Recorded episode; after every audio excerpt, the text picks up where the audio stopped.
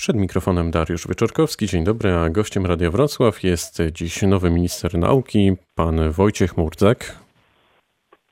Dzień dobry. Panie ministrze, czy pan się spodziewał tej nominacji? Jeszcze jakiś czas temu pewnie bym się nie spodziewał, no ale e, bieg e, zdarzeń w ostatnim czasie już był jakimś takim sygnałem, że pewne zmiany mogą następować, ale na pewno jest w tym też spory element zaskoczenia. A ten odcinek był kiedykolwiek w ogóle w kręgu Pana zainteresowań? E, tak, e, może nie wprost jakby e, z samego ministerstwa jako struktury, natomiast to, co proponował pan premier Gowin, jak najbardziej, bo jako poseł mogłem uczestniczyć w, wydaje się, bardzo ważnych projektach, które zaowocowały dwoma ustawami o innowacyjności, bardzo dobrymi rozwiązaniami, myślę, że dającymi taką bazę solidną e, dla wszelkich prac e, badawczo-rozwojowych, właśnie dla całego, całej tej przestrzeni innowacyjności. Też e, oczywiście uczestniczyłem poprzez pracę też w komisji, ale wnikliwie czytając projekt, wchodząc też lokalnie w różne dyskusje, jeśli chodzi o ustawę zwaną czasami Konstytucją do Nauki, czy ustawę 2.0. To ja za chwilę, będę, za chwilę będę o to pytać. A proszę mi powiedzieć, czy brak pana premiera Gowina w rządzie to jest osłabienie porozumienia i w ogóle osłabienie rządu w pana ocenie? Znaczy, e, może e, w kategoriach e, osłabienia nie, bo pan premier Gowin swoją aktywność, tak jak zapowiedział, zachowuje i ja mam nadzieję, że, że będą też bardzo korzystne efekty z tej aktywności i dla rządu, i dla Zjednoczonej Prawicy. Ale oczywiście wprost nieobecność jako wicepremiera E, czy e, też e, no, pewna, pewna czy dosyć istotna zmiana, jeśli chodzi o decyzję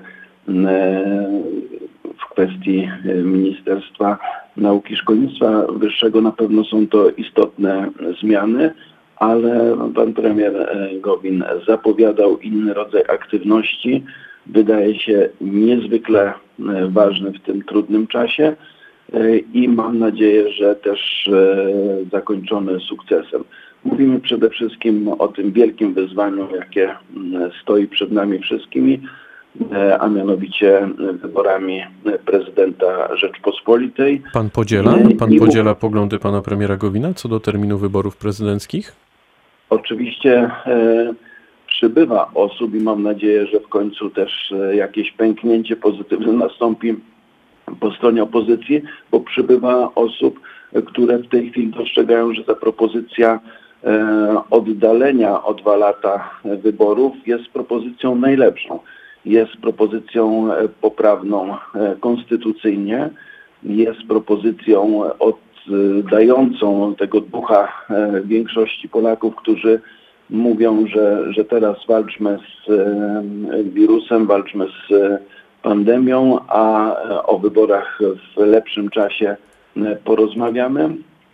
Jest myślę też propozycją dającą e, czas również na takie przygotowanie organizacyjne, stworzenie alternatyw, a mianowicie dopracowanie kwestii możliwych wyborów korespondencyjnych, a ja uważam, że jakby ten czas był do zagospodarowania, powinny e, dojść, e, powinna dojść również możliwość wyborów e, internetowych, bo to też przecież jest bardzo nowoczesne, dobre narzędzie.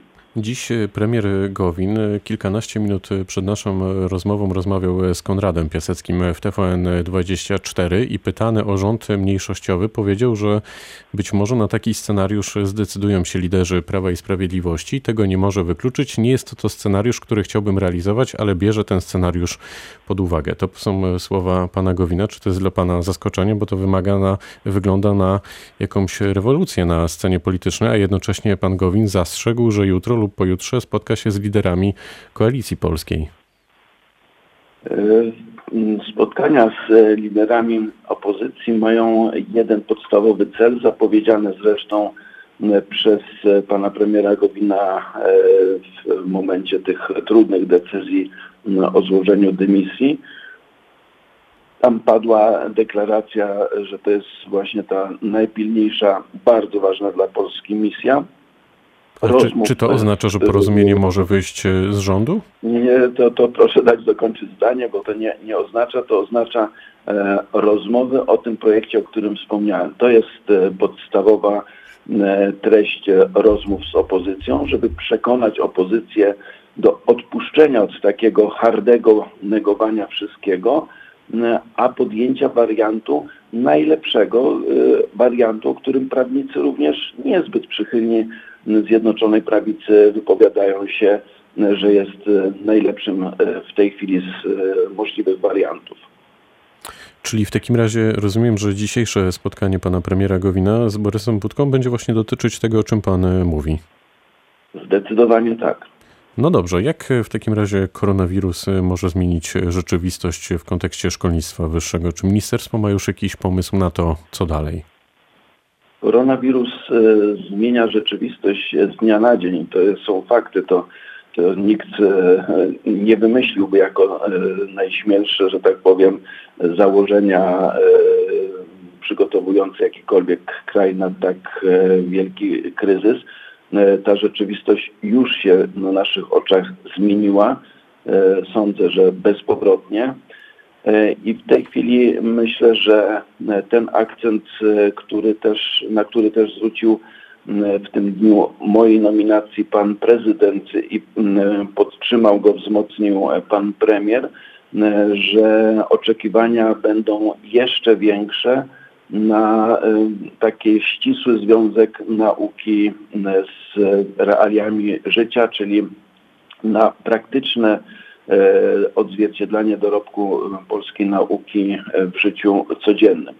E, I takim, myślę, akcentem, który jeszcze zafirmował pan premier Gowin, e, była ta taka szybka i intensywna praca nad polskim testem do wykrywania E, właśnie e, wirusa e, i muszę powiedzieć, że moje rozmowy z osobami, które nie są związane ani ze światem polityki, rządu, ani nawet ze światem nauki czy wprost gospodarki, obserwowałem takie żywe kibicowanie osób, żeby się to polskim naukowcom udało. Nie jest to jedyna rzecz, nad którą w temacie koronawirusa pracują polscy naukowcy, ale ta emocja przypominała e, takie kibicowanie najlepszym polskim sportowcom.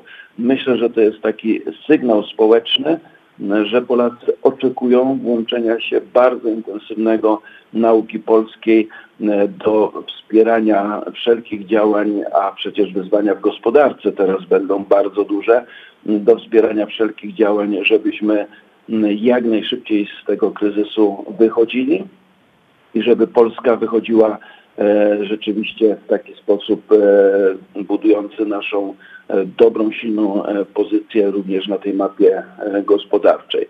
A wszelkie sukcesy w temacie bezpośrednio związanym z koronawirusem, wszelkie sukcesy polskiej nauki będziemy oglądać, będziemy kibicować. Wiemy, że trwają prace związane z respiratorami.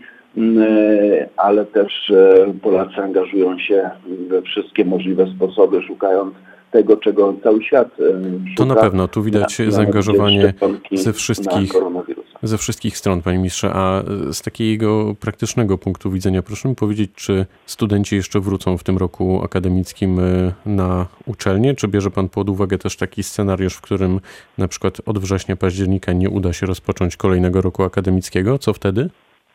Ja mam nadzieję, czy, czy bierzemy taki scenariusz, ponieważ ten rok akademicki jest e, trochę e, dłuższy i mam nadzieję, że, że e, studenci kolejny rok rozpoczną w normalnym rytmie, natomiast końcówka tego roku jest uzależniona od rozwoju tych wydarzeń związanych z pandemią wirusa.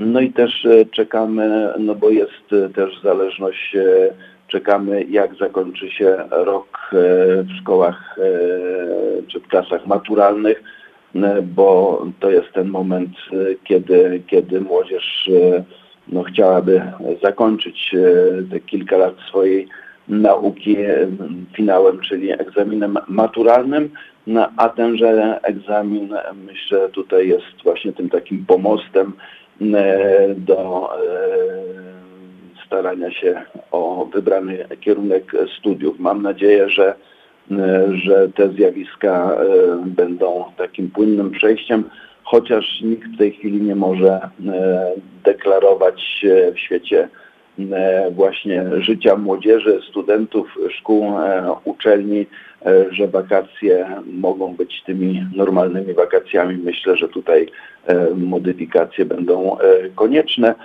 ale też zdaję sobie sprawę, że e, bardzo mocno wkracza w przestrzeń nauczanie zdalne. Myślę, że dyskusje o różnych formach, przynajmniej tam, gdzie te możliwości będą egzaminów właśnie poprzez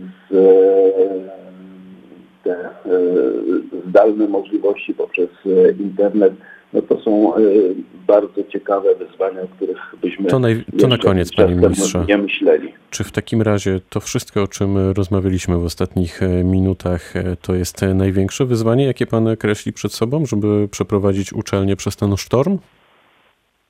Myślę, że rzeczywiście no, podstawą, podstawowym obowiązkiem nas wszystkich jest takie sprawne, czy jak najlepsze zmierzenie się z rzeczywistością. Dzisiaj ta rzeczywistość ma swoje e, oblicze koronawirusowe i musimy w pierwszej kolejności podjąć te wyzwania. Natomiast to nie znaczy, że wszystko, co się dzieje, e, gdzieś tam ulega e, zawieszeniu, bo przecież wiemy, że wyższe uczelnie są e, w fazie wdrażania jeszcze czy umacniania e, efektów e, tej wielkiej zmiany, jeśli chodzi o ustawę, jak wspomniałem, zwaną nawet konstytucją dla nauki momentami i to wszystko się dzieje. Oczywiście tutaj też pewne modyfikacje są konieczne, choćby ewaluacja dotycząca wyższych uczelni, ale to na bieżąco będziemy podejmować. Natomiast zwracam uwagę, że te procesy się dzieją i te rzeczy bieżące też muszą, muszą w jakiejś mierze dostosowywać się do aktualnej sytuacji, ale też zapewnić taką spokojną stabilizację E, kontynuację e, tego, co się w nauce polskiej w szkolnictwie wyższym e, wydarzyło. Powiedział nowy minister nauki, pan Wojciech Murdzek, który był gościem rozmowy Dnia Radio Wrocław. Bardzo dziękuję za spotkanie. Dziękuję bardzo. Pytał, Dobrego dnia. Pytał Dariusz. Zdrowia wszystkim słuchaczom. Pytał Dziękuję. Dariusz Wieczorkowski, również zdrowia, dobrego dnia.